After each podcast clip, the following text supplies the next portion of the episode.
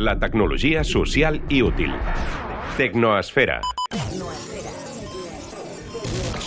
Marta Palencia. Què tal, com esteu, habitants de la Tecnosfera? Benvinguts un dia més al nostre programa, un programa que ja sabeu que s'endinsa en l'àmbit de les noves tecnologies.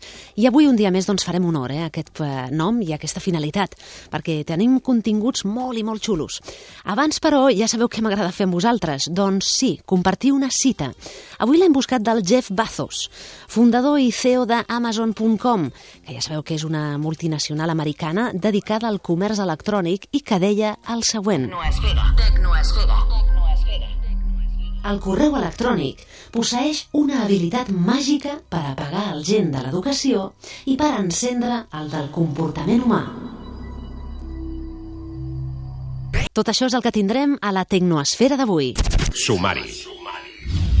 Bé, avui que ja estem doncs, pròpiament vivint en un ambient més primaveral, eh, que ja ho trobàvem a faltar, la veritat, doncs ja que fa més bon temps, eh, ve més de gust apropar-se a la natura, vam pensar la tecnosfera Parlem de, del món natural i més en concret, parlem del món animal i valorem quins són els dispositius, les eines, els utensilis que es fan servir per apropar-se als animals en el seu propi hàbitat. I avui a la nostra tertúlia parlarem d'això. Jo penso que pot estar molt bé, perquè hem convidat a gent que, que en sap un munt i sobretot, el que més m'agrada, que viu a tope, eh, amb, amb, amb profunditat el seu àmbit professional i això està molt bé. Però a més a més també us donarem a conèixer una web social, no sé si heu sentit a parlar de Bananity, sí, una comunitat social de bananeros, eh?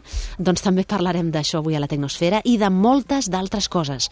El que vull que facis és que et quedis amb nosaltres. Et quedes, oi?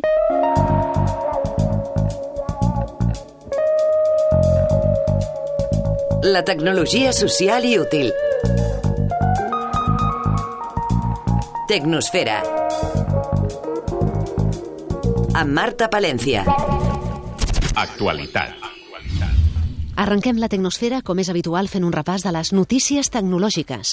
L'empresa espanyola de tecnologia Indra ha desenvolupat el primer sistema espanyol per realitzar inspeccions d'objectes per rajos X.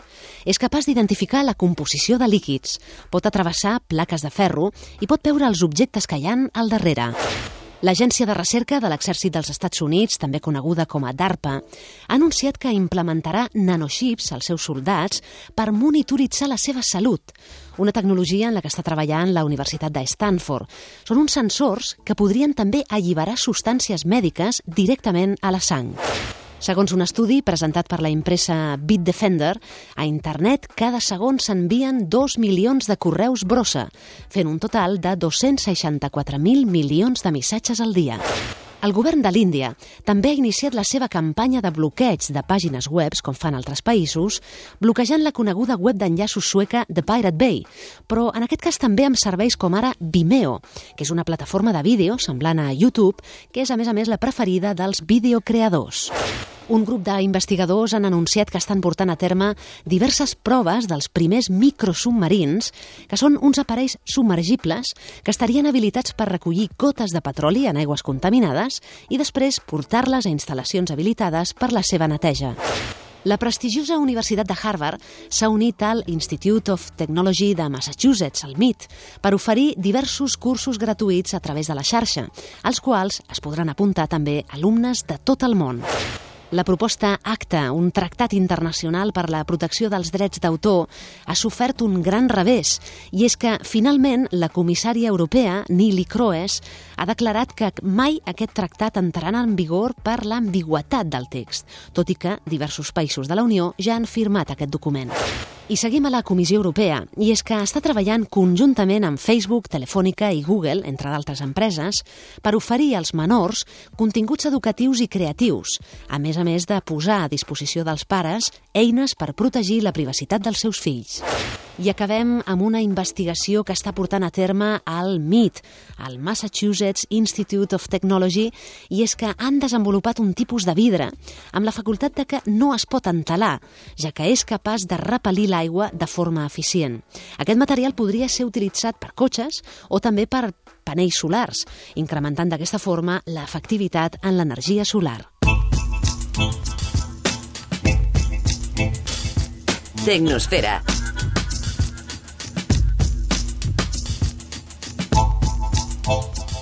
Avui a la Tecnosfera el que volem és saber més coses sobre una nova xarxa social que es basa en definir-nos perquè els, el que ens agrada més i el que odiem també.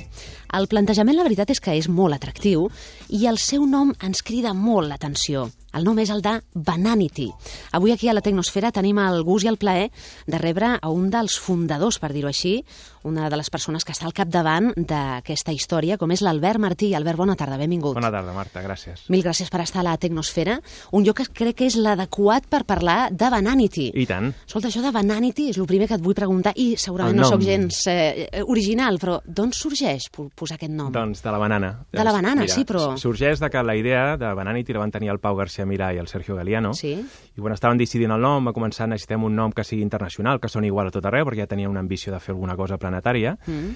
I aleshores, en un moment que estaven així mig enganxats, que no trobaven el nom, un dels dos va agafar una poma que havia allà i va dir, escolta, quina és la, la empresa que nosaltres admirem més? Apple, no? La I li va dir, si Apple ha sigut capaç de fer un imperi amb la fruita més avorrida que hi ha el paradís, Sí? doncs què farem nosaltres si agafem la més catxonda, que és el, el plàtano? Llavors va sortir amb la idea de banana, amb internacional sonava bé, Mm. i mira, doncs ens, i ens dona joc perquè també és una fruita divertida i al final de tot volem fer les coses amb una certa frescura perquè la gent Ahà. disfruti més i ens sembla que és adequat. Això es nota, eh? i es nota també en el, en el teu tarannà. Eh, Tot val a dir als oients de la Tecnosfera que ens han conegut fa poca estona, abans del directe, però sí que es nota una, unes ganes, una energia que, si va en connexió amb la xarxa social i amb el que té, no? Bananity, Sí. doncs sí que, que queda ben clar.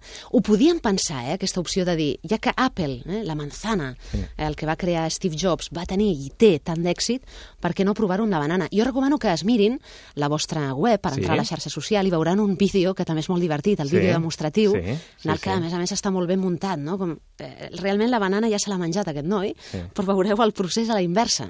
Veureu Sí. com es reconstrueix la banana i es torna a posar tota ella sencera, no?, en el vídeo aquest que, que Volem és fer un xulo. creatiu amb el qual Mm. havia treballat abans el Jürgen Krieger i volíem, volíem expressar això, no? que al final de tota Bananity intentem agafar les emocions més fortes de la persona, Sí. que són les efusi- efusions en positiu, l'amor, al love, Ah. i també a l'odi, aquelles coses que realment ens fan, ens fan, ens fan tírria. No? Aquí anàvem, perquè eh, eh, justament ho he presentat. El Divananity és una d'aquestes xarxes socials que proposa això, que expressis el que més t'agrada Sí. i el que odies. Sí. Clar, jo et deia, escolta, aquesta és la clara finalitat de Bananity? No, mira, nosaltres la nostra missió, que més per la gent que ve a la casa banana la tenim pintada ben grossa a la, a la paret, era Sí. posat en anglès amb aquesta idea de- d'anar una miqueta més lluny, la nostra missió és ajudar la gent a que disfruti més d'aquelles coses que els apassionen. Per tant, finalitat què és? Si tu t'agrada, per exemple, Marta, què t'agrada? Tu no t'ho he preguntat abans, eh? Però què t'agrada? M'agrada molt la música, Sí. eh, m'agrada molt la natura, Doncs, exemple- m'agrada molt la tecnologia, les noves Bueno, tecnologies. Doncs mira, doncs, si t'agrada la música, per exemple, Sí. com descobreixes Ah. noves músiques, nous autors, nous grups, noves partitures que et puguin fer gaudir més de la, de la música.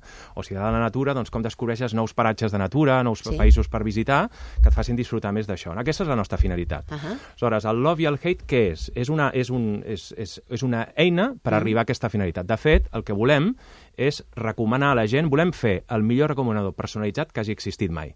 Doncs la premissa és, si jo et vull recomanar a tu, Marta, a coses, Sí. jo t'he de conèixer molt bé. És per això que avui en dia les recomanacions estan bastant eh, circunscrites a la gent que et coneix, a, la, als teus amics, a la teva família, no? Ah. Però que aquest cercle és reduït per, perquè totes les recomanacions vinguin d'allà, no? Mhm. I la nostra idea és com podem fer que rebis recomanacions de gent que s'assembla molt a tu sense necessitat que els hagis de conèixer, no? I allà va sortir.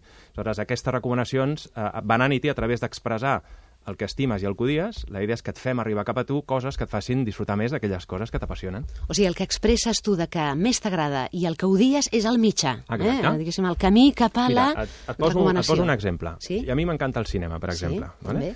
Tu, si sapiguessis que a mi m'encanta el cinema i que m'agrada el cinema d'acció i m'agraden els thrillers, potser podries dir, ostres, l'Albert li recomanaria el Pirates del Caribe. Mm. Ara, si tu saps que jo odio a mort el Johnny Depp i que no puc veure una pel·lícula que és el Johnny Depp, Nyac, en el qual no te la recomano. soc, soc a més minoria, Clar. perquè el 95% de la gent Mm, ens agrada. ens, ens agrada, us Sí. agrada el, el Johnny Depp, doncs me la recomanaria. Si tu saps que a mi no m'agrada el Johnny Depp, igual em diràs, ep, ojo, hi ha una d'acció, però hi ha el Johnny Depp allà, no? Això Ahà. t'ho poso una mica de, a nivell de- de- d'exemple, de, que el que hem vist és que el 78% de, dels elements de Banality, 72%, perdona, són loves, i el 28% són hates, és a dir, la gent tira més cap al love, cap al hate. Eh? El que passa és que, clar, el 30% de les emocions humanes, quan les expresses lliurement, són coses que no t'agraden. Si no les tenim en compte, crec que com a recomanador estaríem fallant una mica curt. No? Tot i que sempre et pot arribar algú i et pot dir home, però llavors per frescura, perquè saber tant d'algú altre pot fer que perdi com una mica de misteri, no? Perquè també és bo... molta, n'hi ha molta frescura. Jo animaria Sí? la gent que entri i ho provi i veuran que l'esperit bananero és... és L'esperit és- bananero, això m'agrada. L'esperit bananero és fresc i és molt constructiu. I després hi ha un altre element, que a Bananity respectem la privacitat al 100%. Precisament hi ha gent que diu, ostres, jo aquí exposo doncs, la, les, les coses més preuades per mi, el que estimo i el que ho diu. Però a Bananity no ens interessa que tu ets la Marta Palencia, per exemple. Ens interessa que t'agrada la música, que t'agrada la natura, que has descobert un nou llibre, que has begut un vi que t'ha encantat, que has anat a un restaurant que no t'ha agradat.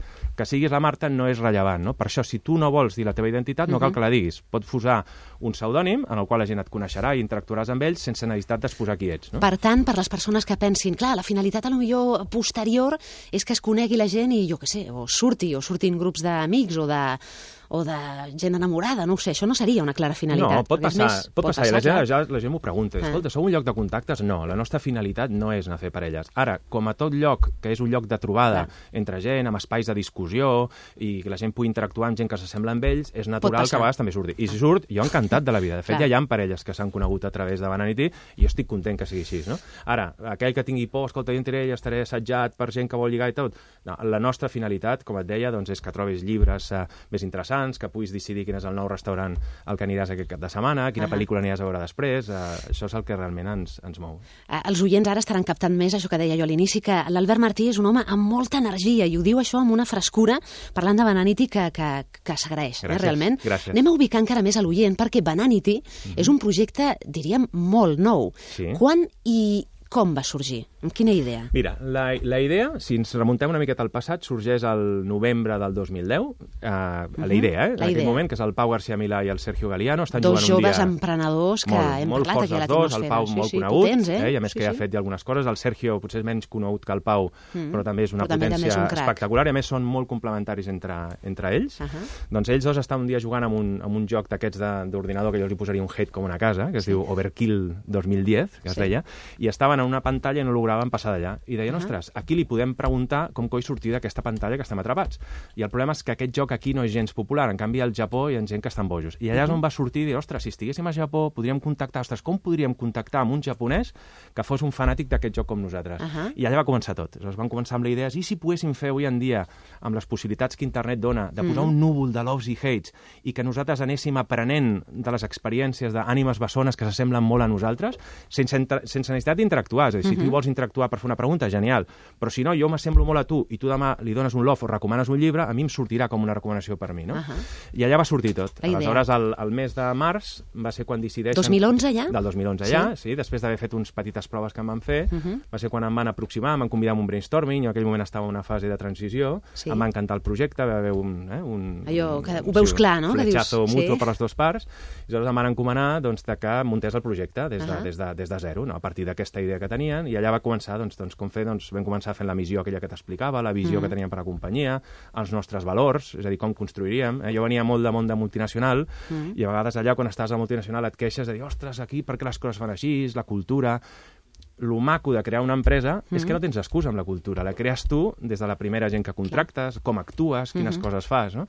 I està sent un projecte apassionant, el que som set persones. La gent encara es pensa que som molt més grossos, perquè hem, hem fet una mica de soroll, també amb la col·laboració que tenim amb el Buenafuente, però seguim Sí. sent un equip petit, amb moltes ganes, amb molta il·lusió i... En col·laboració amb el Buenafuente. El Buenafuente, eh, en Sí. principi, aquí la informació que tinc jo és Sí. com el padrí una Sí, miqueta d'aquesta sí, història, no? sí. El Buenafuente suposo que li vau plantejar i, i què va dir? Li va Mira, encantar. la, la, la col·laboració amb l'Andreu surt de... Ell té una amistat amb el Pau, arrel Sí. de que el Pau li va dedicar una vegada al llibre, el primer llibre, es van anar a prendre un cafè i tenen una afinitat molt gran, l'havia Ahà. convidat al seu programa, i sempre li havia dit, Pau, algun dia m'agradaria fer alguna cosa amb tu, no?, per aquesta energia, aquesta frescura Sí, que veus? tens, no? I aleshores... Doncs això s'encomana, eh, Albert? Perquè Bueno, tu també t'ho he dit, eh, això? O ve de família, clar. Cosins. Sou cosins, sí, veus? Sí, sí, sóc el seu padrí. De fet, Ahà, la gent també. em pregunta si el meu nickname, que em dic Godfather a Vanity, Sí. ve del llibre de la pel·lícula, que de fet ni, ni, ni, ni sóc fan de la pel·lícula, no? Però bé perquè sóc el seu padrí. i O mira, sigui que és real, eh? És real, familiar, sí. és un vincle familiar. Sí. I aleshores, a través d'aquesta química que tenien, l'Andreu li va dir, ostres, algun dia m'agradaria fer alguna cosa amb tu. Aleshores, el Pau, a la que va tenir la idea d'aquesta vaneta, va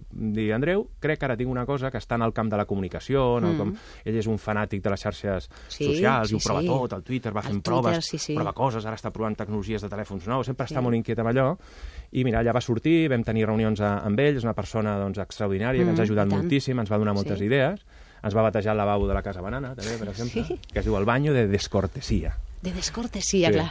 És el lavabo més petit de tot Espanya, que el tenim a la nostra casa, Banana de Sant Cugat, que és Sí. enano. Uh -huh. I va venir el primer dia i va dir, escolta, aquest lavabo crec que és el rècord Guinness del lavabo més petit de tot Espanya. I normalment li diuen el bany de cortesia. Aquest Diu, però és tan de- petit que és una descortesia que feu anar la gent allà. no? Déu-n'hi-do. Bueno, doncs allà va sortir i sí, ens va ajudar en el llançament, ens dona, ens dona idees, tenim sessions creatives amb ell de tant en tant Mm. i ara tenim també una col·laboració doncs, esporàdica amb el seu programa que ens ajuda a donar-nos a conèixer. Albert, la teva figura, diguéssim, també és, és curiosa i, i la teva vinculació, que tu deies ara a mi, em van venir a, a parlar d'aquesta història i vaig dir, em vaig com enamorar, no? Però tu pròpiament no vens del camp tecnològic. Tu havies estat treballant com 15 anys, no?, Sí. a multis- multinacionals. Sí, sí, sí. O sigui, que potser era un caràcter més, què, empresarial? Sí, mira, jo però vaig no començar a ventes, vaig fer molt màrqueting Ah. eh, i al final vaig agafar la direcció general d'una d'una empresa en consum, en marques com el Sanex, l'Ambipur, el, tots els insecticides Sí. de Cruz Verde i tot això, no?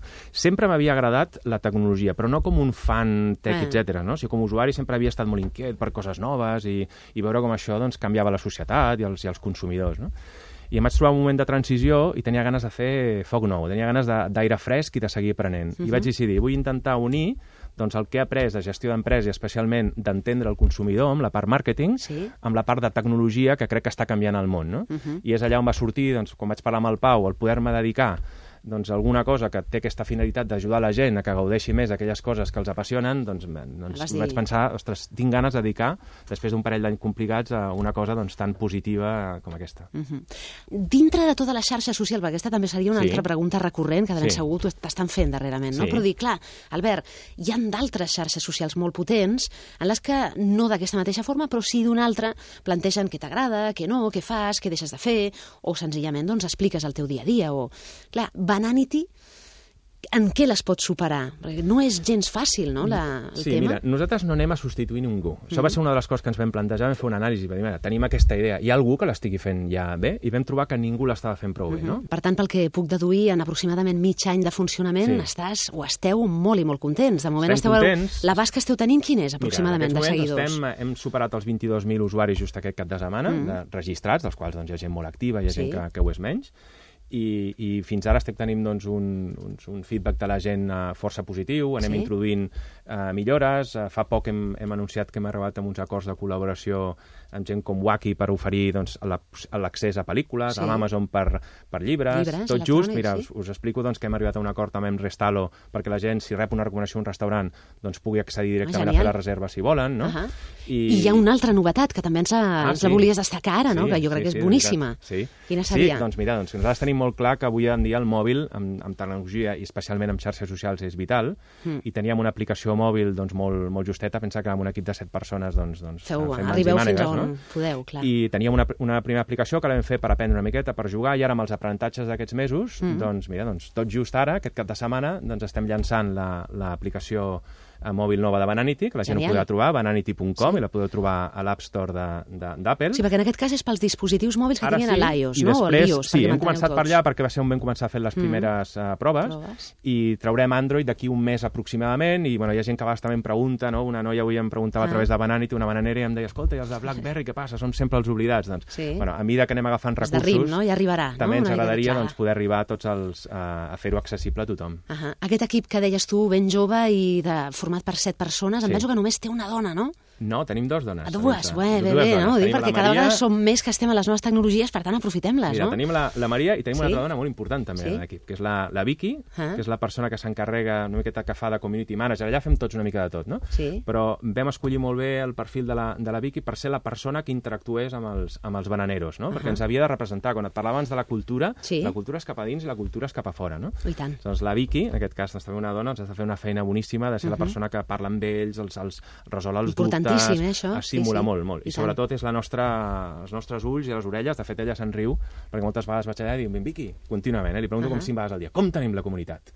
I va dir, escolta, mira... La comunitat això, bananera, això, no? Sí, perquè bueno, jo hi crec molt. Eh? Sí. Quan deia que que després de 15 anys de gran consum, jo els explico al meu equip, els dic, escolta, jo hagués matat Mm. per tenir feedback continu i directe de la gent que utilitzant Sí. el meu producte. No? Sí. Jo portava els gels de Sanex, per posar-te un exemple. No? I costa, havíem de fer investigació de mercats... Ara és molt preguntar. més fàcil, per Doncs tant, ara, és, ara la és gent m'està ideal. posant, i en aquests Clar, moments és- hem, tret- hem tingut un problema avui amb l'aplicació i hi havia gent que ens ho deia, escolta, això no ens funciona i tal, per què heu fet això? Ah. I, i, jo això ho trobo És extraordinari. ideal, no? és ideal, és veritat. Doncs Albert Martí, el CEO de, de Vanity, CEO, cap o director, sí. perquè tothom l'entengui, moltíssima sort amb aquesta nova xarxa social.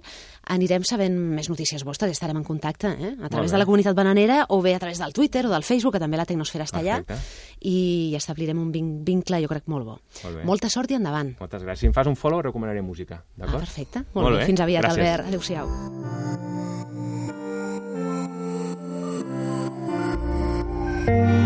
A Ser Catalunya. Tecnosfera. Què portes? Màrius Serra, 49 anys. Escriptor, periodista, traductor i autor de mots encreuats, que a la vegada és la seva afició. De tecnologia, què fas servir en el teu dia a dia? Bé, eh, jo faig anar a les xarxes socials, especialment al Twitter i al Facebook, eh, però amb una voluntat clarament professional, diguem, no, no, no pas de, de vida privada.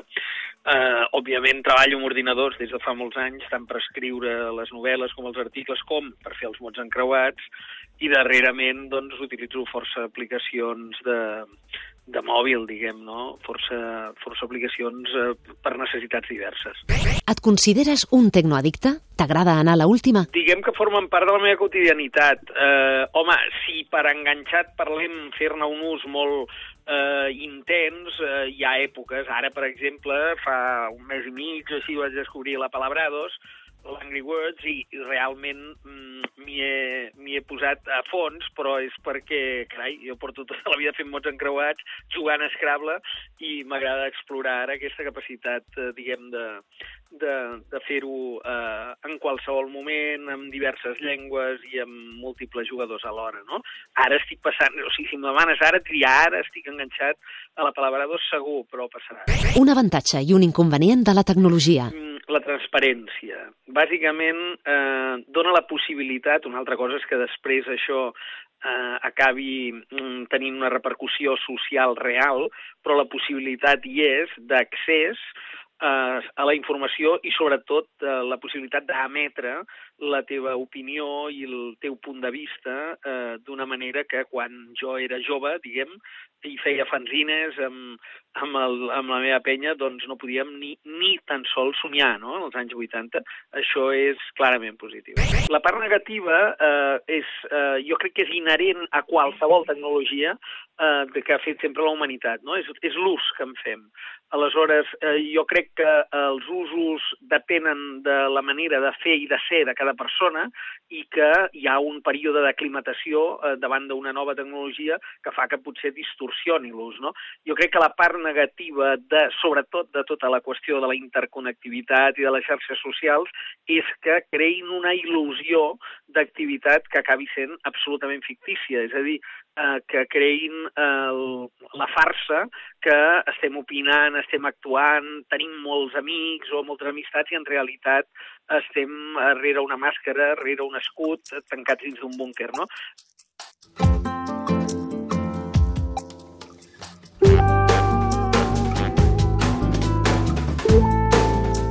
A Ser Catalunya. Tecnosfera, amb Marta Palencia.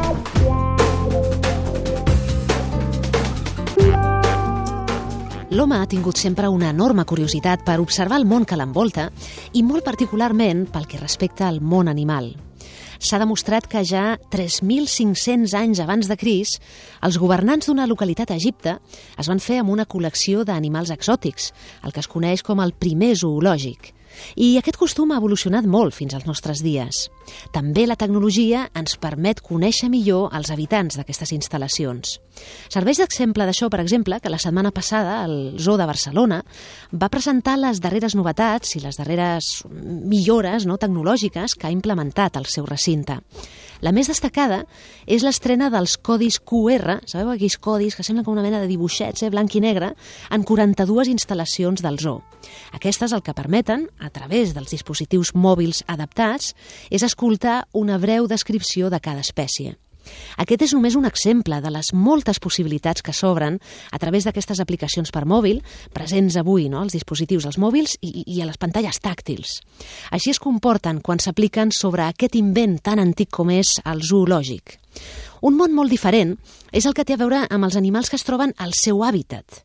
Les càmeres de fotografia, les càmeres de vídeo, ens han permès conèixer molt millor què és el que fan i com es comporten els animals quan es troben, doncs això, en el seu hàbitat, eh, en el seu entorn natural.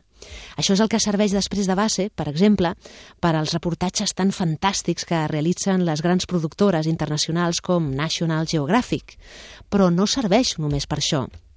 També ens permet observar sense interrompre ni condicionar el seu comportament natural, també ha possibilitat ser més eficaç en la protecció de les espècies i també tenir informació que d'una altra manera jo diria que hauríem pogut obtenir. Segur que molts cops i molts de vosaltres us heu demanat com s'obtenen aquestes imatges dels animals en el seu hàbitat i com són tractades. Doncs esperem que avui a la Tecnosfera, amb els dos convidats que tenim, ens eh, donin dades, que segurament sí, de com ho fan i com s'apropen els animals en plena natura. Per això hem convidat a dos professionals com són el Leo Baquedano. Leo, bona tarda, benvingut. Bona tarda. I el Manel Gazo, bona tarda, benvingut. Hola, bona tarda. Gràcies a tots dos per estar a la Tecnosfera. Anem pas a pas. El Leo Baquedano ell es va formar en l'àmbit de química, però alhora també des de sempre feia fotografies, fins que va arribar a ser el responsable d'una web que és molt interessant, com és la web miranatura.com. Leo, eh, yo decía, claro, formación en ámbito químico, eh, lo de la fotografía siempre fue contigo, pero ir a parar a lo que te dedicas actualmente con la dirección de esta web y todo lo que hacéis, ¿cómo fue?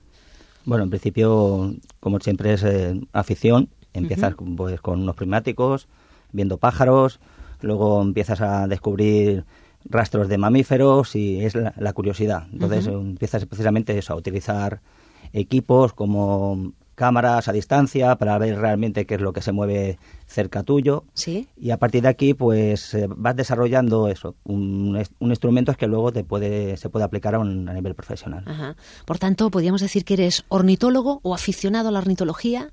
Eh, soy or- era ornitólogo porque prácticamente ahora no tengo prácticamente tiempo para coger los primáticos. Ah, pero bueno, pero bueno, desde- eso queda, eso no se queda, olvida, sí, sí, eso no pero el- siempre en la práctica, ¿no? El canto de un pájaro, el verlo, pues bueno, eso queda, pero Ajá. siempre te falta un poquito de práctica. Soy aficionado a ornitólogo. Muy bien. Y de ahí a formar o a crear, para decirlo mejor, la web miranatura.com, ¿qué es lo que te hizo tirar para adelante con, con esta web?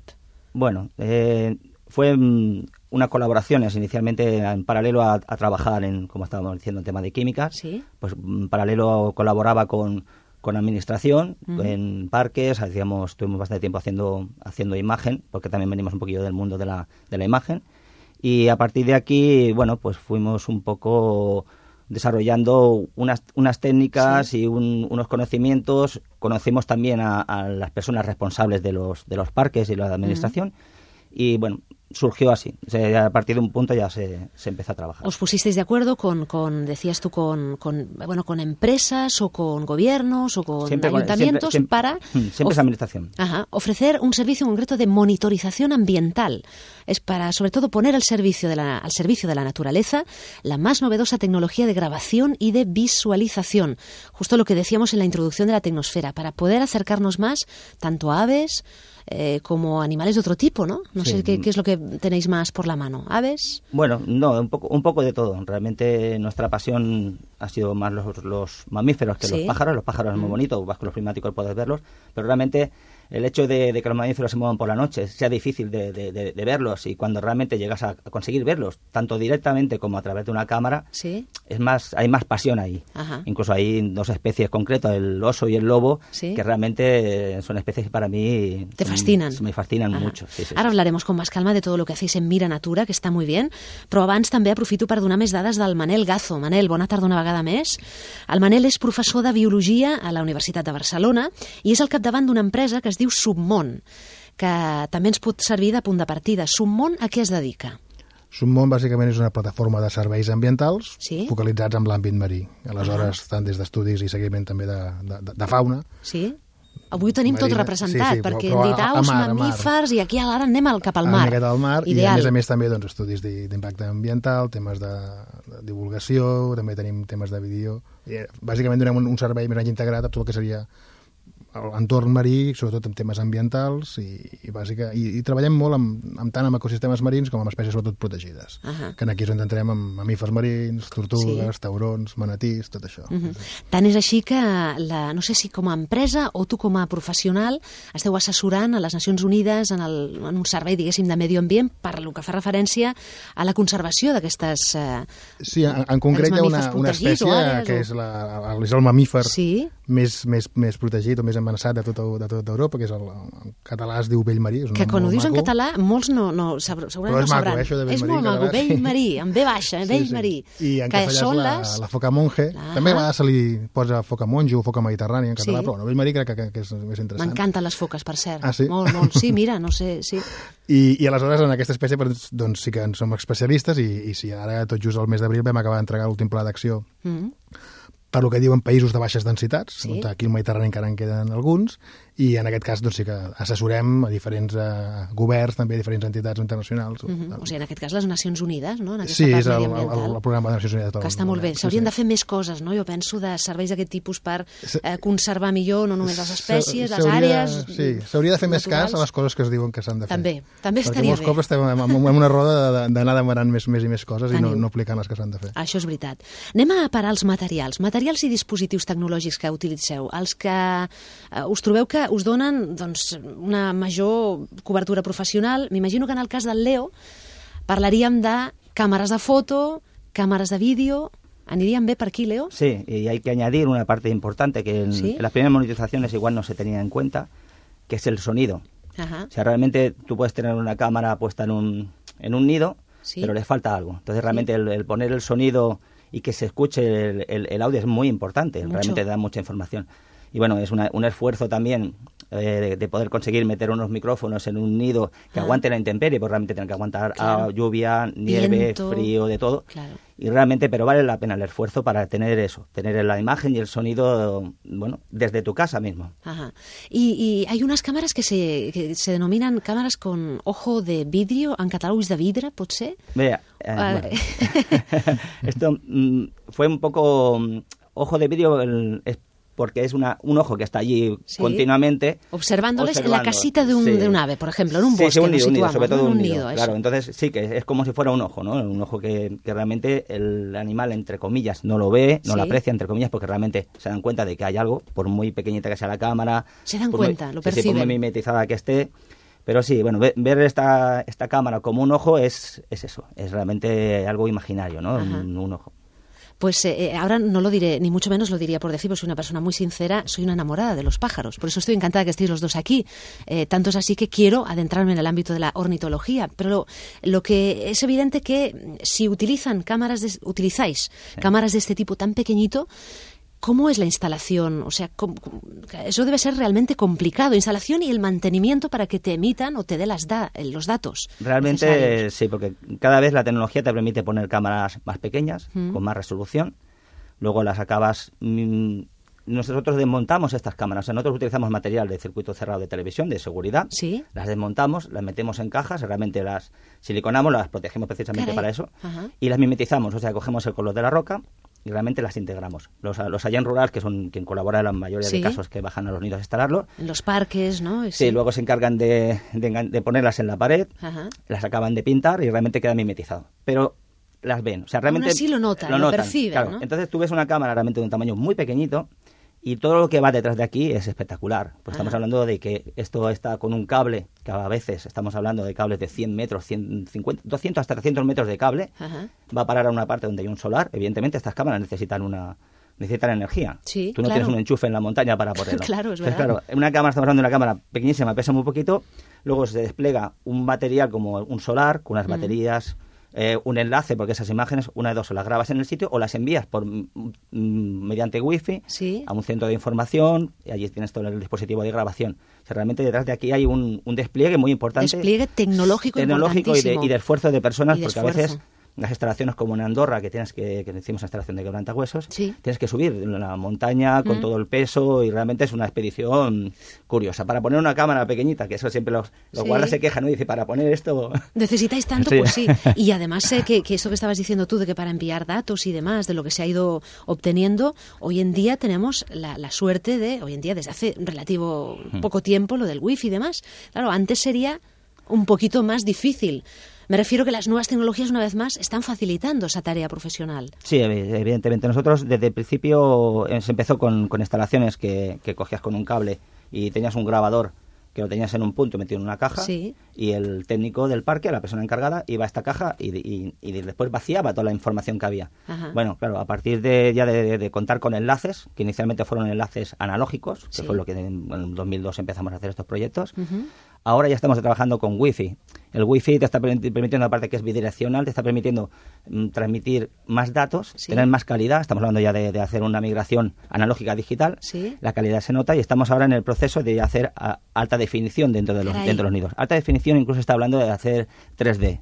Ah, 3D, mm, posibilidad de 3D en un nido, pero bueno, esto ya es Ya una será cosa... increíble, me lo Sí, estoy pero lo que sí que- imaginando poco a poco, ¿no? lo que sí que realmente la, el- la alta definición pues es, es, és interesante porque llega con más calidad. Ahà. Del cielo i la tierra, eh, ara anem directes cap al fons marí, perquè el fons marí també deu tenir els seus darrers avenços tecnològics que us estan facilitant molt la tasca, Manel. Sí, sí, ara sentia en el Leo i realment doncs, eh, hi ha hagut uns, uns avenços molt, molt importants. Molt importants, eh? Sí. No? Pensa que eh, nosaltres treballant, sobretot, si ens centrem, per exemple, en el tema dels, dels cetacis, els dofins i les balenes, Sí. són animals que normalment estan lluny de costa, és Mhm. difícil accedir-hi, i a més a més, eh, molts d'ells, el 85 o el 90% del seu temps, estan per sota de l'aigua. Ahà. És a dir, només surten a respirar. Clar. Aleshores, durant molts anys, hi ha gent que ha intentat treballar en comportament, en etologia o així, tenien problemes greus quan es feia això en fauna en, en llibertat, perquè, Sí. clar, has d'anar-te'n lluny, depèn de les condicions meteorològiques, i a més a més veus el, el, els animals un 15% del seu temps. Per tant, Clar. a partir d'un 15% extrapolar com funciona una societat de dofins és complicat. És complicat. Aleshores, nosaltres, a, a, a diferència de posar, diguem-ne, els aparells de registre en els llocs on hi van els animals, els posem sobre els animals, directament. No? Ahà, És a és un, clar. és un Al damunt, diguéssim, Sí, sí. físicament, Aleshores, clar. Hi ha dos tipus de- de- d'aparells que ens poden donar informació sobre els animals, uns que són registradors, és a dir, que tu li pots enregistrar l'animal i després l'has de recapturar per baixar aquesta informació que ha quedat gravada. Sempre inofensius, m'imagino, de cara amb ells. O Sí, sí, en no principi s'intenta sempre, a la mesura possible, violència. tindre les tècniques menys invasives, però quan has de capturar un, una foca o has de, o has de tirar-li, disparar-li un petit Ja. dart amb un sedaci perquè li quedi enganxat al, al satèl·lit, bueno, doncs, Clar. en principi no, no, no, no. Ah. pensa que sempre que es fa un d'aquests treballs es demana eh, màxim de- permís a ministeris, vull dir, s'informa a tothom, fins i tot quan vols publicar els teus resultats científics, moltes de les revistes et demanen exactament quines han sigut les mesures ètiques que has utilitzat. Vull dir, Sí. no, no, no s'agafen animals eh, així a la, la brava, es Ahà, maten i és no, això, no, no. sinó que es, es cuida Exacte. tot. I ara després el que hi ha també són uns aparells que tu els pots col·locar directament, de forma, Ah. i, i aleshores aquests ja et van directament emitint cada cop que l'animal doncs, surt a respirar o així, tu pots programar-ho Ahà. i quan triangula amb els satèl·lits i ja t'arriba la informació més o menys eh, analitzada una miqueta i t'arriba directament on tu estiguis treballant, el teu ordinador o en el teu iPad al mig Ah, del tren. el o teu sigui. iPad avui dia, Vull dir que, eh? que realment això Per- ha canviat moltíssim. Després hi ha una, una feina que no s'ha de menys, menys tenir aquí, que és la d'anàlisi de tota aquesta informació. Ahà. Perquè som, estem generant ara cada cop més informació, Clar. Però això s'ha d'analitzar i des d'una bueno, des una visió una miqueta més estricta amb això. No? Clar, és que això en aquest programa ho parlem molt, que tenim de vegades molta informació, tot és molt ràpid, però que també ens ha de quedar el temps com per eh, anar-la valorant amb calma, anar-la certificant, no sé com dir-ho, perquè si no és tanta la informació que avui podem obtenir, que a vegades és massa. Manel, jo no sé si tindria a veure eh, això que deies últim de les dades amb la telemetria, si més no, què seria la telemetria? Bàsicament la telemetria és, és poder eh, Ex- el tema de metria seria doncs, Sí. a, a, a obtenir dades Ah. a distància. a través de, no? a distància. Aleshores, vull dir, Ahà. és el que us dèiem, no? O sigui, nosaltres, quan instal·lem això amb un animal d'aquests, el pots seguir durant 24 hores, el temps que tu vulguis, Mm. i, i això, si s'hagués de fer amb, amb personal embarcat per fer aquest seguiment, seria molt, molt, molt més car. Mm-hmm. I després hi ha altres eines, sobretot el, amb el tema acústic, els, els cetacis són animals que es, que es comuniquen molt per, per sons, Sí.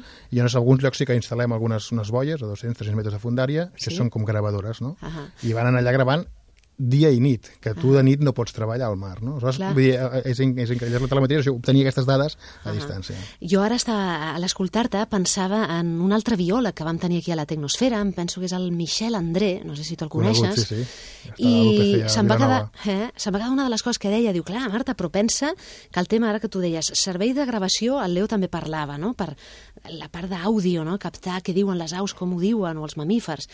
En el cas de, de tot el fons marí, diu, és que és una altra dimensió. O sigui, la part d'àudio, de, de so, diguem-ho, perquè àudio queda molt tècnic, la part de so és diferent en el fons marí. Llavors, també alhora és un una transformació que hem de Sí, sí, fer sí. no? amb uns aparells i, i de més, però això val la Pensa- pena recordar-ho, que és un altre I, I després ambient. pensa que el que et dic, la, la, la facilitat aquesta que tens de registrar pot ser que registris hores i hores i hores i mesos i mesos Sí. i això quan arriba després als tenis que tenen que buidar hi ha un software molt maco que, que, que et treu tot el so Sí. produït per crustacis crustacis que són petites llagostes, petits Sí. crancs que fan un xivarri Ahà. espectacular i que tu no, no n'ets conscient d'això perquè agafa diferents zones de so Mhm. i a partir d'aquí ja vas netejant i, i després ja vas trobant el que passa que clar, quan trobes després els sons d'algunes balenes o així, fins i tot pots diferenciar balenes de l'Atlàntic del Mediterrani, veus, ostres, aquestes que hem vingut a fer aquí dintre del Ahà. Mediterrani, no? Les Sí. de l'Atlàntic entren, que entren a fer l'època de reproducció. Vull Hi ha tota una història que, que les podem anar redescobrint ara Mhm. a partir d'uns aparells que, per descomptat, abans era impossible tenir-los. La, la gent eh, com, com nosaltres, els que estem avui aquí, que no ens dediquem professionalment al vostre àmbit,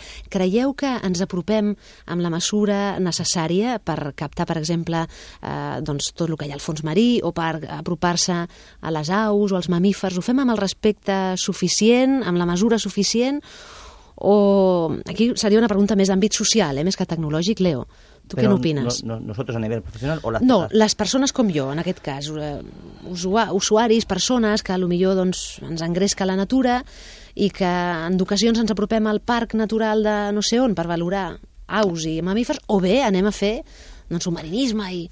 Hay, siempre hay unas, hay unas contradicciones en todo esto, ¿no? Porque Hauríem de veure la, la, el gest, eh? el, gesto que has hecho dice Sí. mucho. ¿eh? No sé, no sé. ¿eh? Sí, Falta re- un poco realmente de- lo que ocurre es que bueno el- hay una parte importante de, de nuestro trabajo que es divulgación aparte de la, la- la parte técnica que da, da mucha información de etología de alimentación Sí. hay una parte muy importante que es de divulgación Mm. cara a las, a las personas a través ya sea de, de internet de, de- bueno de, informes de lo que sea Sí. entonces qué ocurre eso tiene un tiene dos puede tener dos, dos dos resultados que la gente también se aficione más al tema de la montaña y Sí. vaya más a la montaña pero en otro caso nosotros cuando montamos una cámara y en un centro de información eh, recibes la señal de un nido en directo Sí. realmente lo que estás haciendo también es el- la gente llega allí lo ve y ya también eh, se contenta bastante o sea realmente está viendo una especie que de otra manera sería imposible de ver. Claro. Claro siempre puede haber el que diga oye pues voy a ver dónde está este nido no pero claro, no no ocurre O sea, que le acerca, la tecnología le acerca, la- le acerca. desde el punto, por ejemplo, de información de un parque, lo que está pasando en, en pleno bosque. Y, a- en y pleno- aparte lo que hemos ido a más, que al principio del 2000, bueno, desde el primer proyecto se hizo, que se hace en streaming.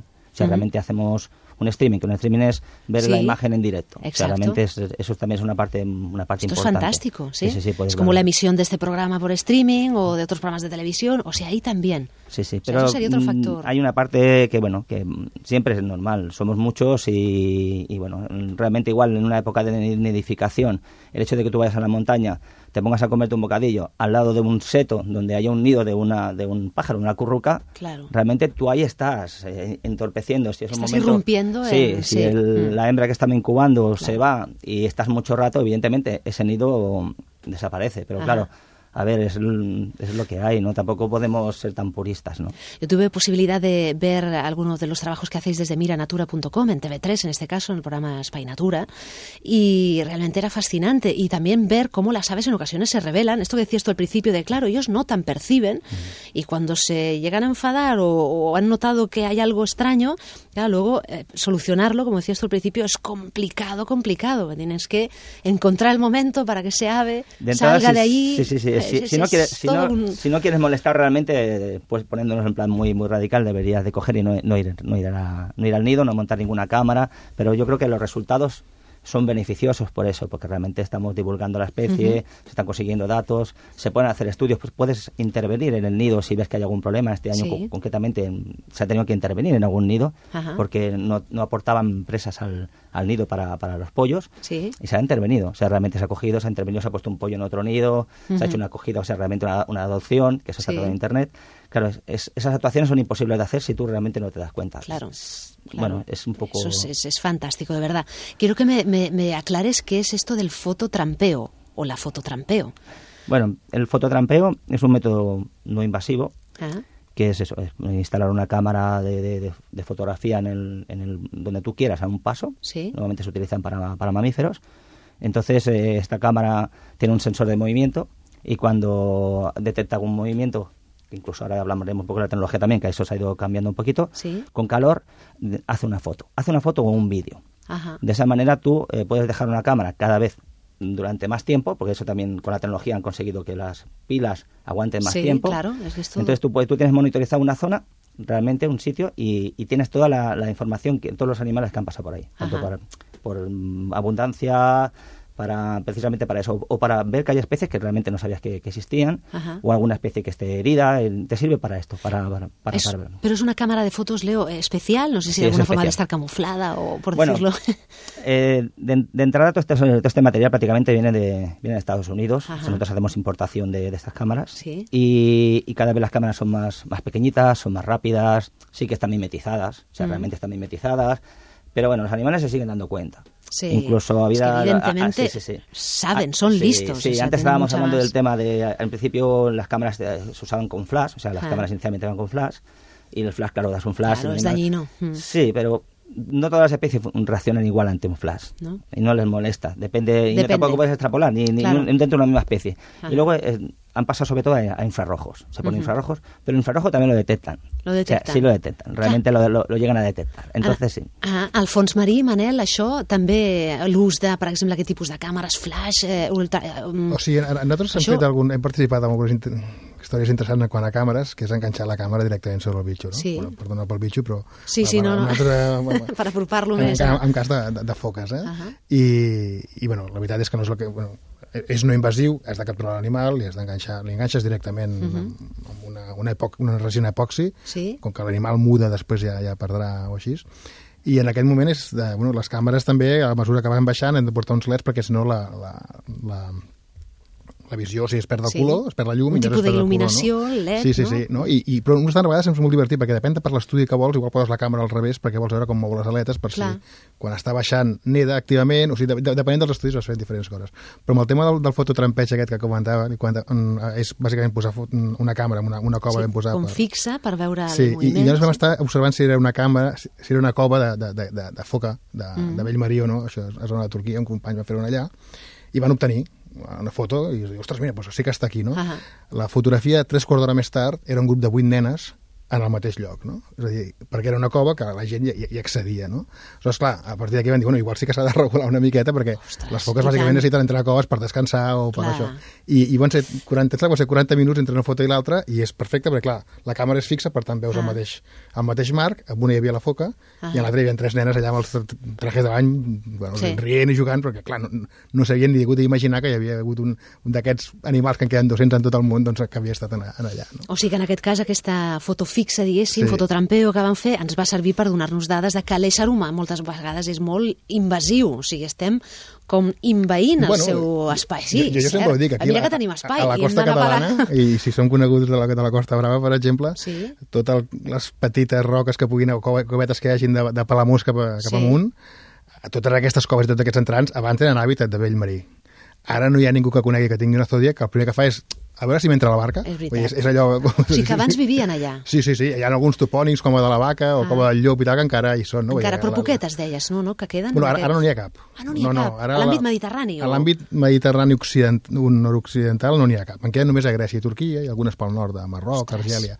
Aquí l'última es va matar a la península l'any 1951 i ara farà el 2008 va aparèixer en una a una illeta de, Menor, Mm. de Mallorca però va aparèixer i va desaparèixer. Aquí ens les vam, ens les vam ventilar ràpid. Eh? El que és ben cert, Manel, és que des de l'època del costó i tot allò que vèiem fins ara, evidentment, la tecnologia i tot, o sigui, ha fet, ha permès que ens apropem molt més a tot i que ho tinguem, Sí. eh, les dades, aquest, això I- que dèieu vosaltres de que feu el cens de cetacis, de tortugues... Mm, clar, clar, vull dir, les dades, És- i, i, i per és descomptat amb el que estàveu comentant vosaltres abans, de si, si intercedim o no intercedim, si la gent...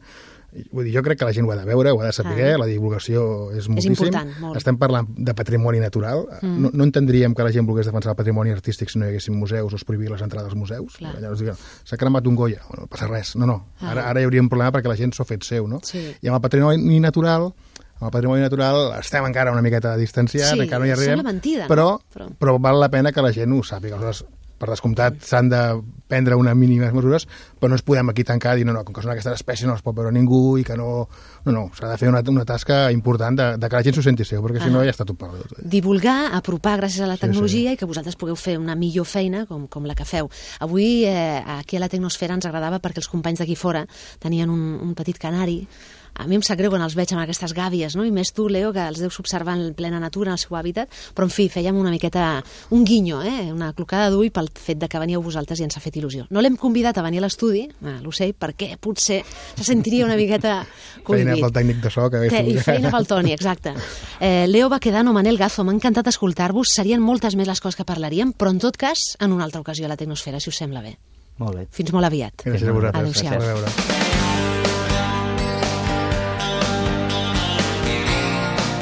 Ce arroba cadenaser.com I amb aquest bon gust de parlar de natura, sobretot de parlar d'animals i de la forma que tenim, gràcies a les noves tecnologies, d'apropar-nos més amb ella, doncs li posem avui el, el punt i final a la nostra tecnosfera. Ha estat, com sempre et dic, tot un gust i un plaer compartir aquesta horeta aquí a la cadena Ser a Catalunya i Andorra, però també recorda que ens podràs escoltar dissabte vinent a les 6 del matí, eh, els més matiners, i si no, els podcasts, sempre, sempre que vulguis, radiobarcelona.cat, a la nostra web, i si no, buscant-nos al Facebook, al Twitter, podràs estar més a prop nostra, cosa que ens farà molt feliços. Avui li posarem el punt i final a la tecnosfera a ritme d'un gran, eh? un gran que l'hem escoltat en d'altres ocasions, perquè ens agrada, i perquè la setmana vinent serà doncs, el rei del mambo aquí, el Bruce Springsteen, sí? Vindrà a actuar a la ciutat comtal i farà de les seves, una vegada més. Doncs hi posem el punt i final amb ell i donant la salutació ben carinyosa del Toni Suárez, el meu company tècnic, el David Medrano, Dani Aragay i José de la Fuente a la producció i qui us ha parlat aquí a la realització, Marta Palència. Què us haig de dir? Doncs que sigueu molt feliços. Adéu-siau. Ask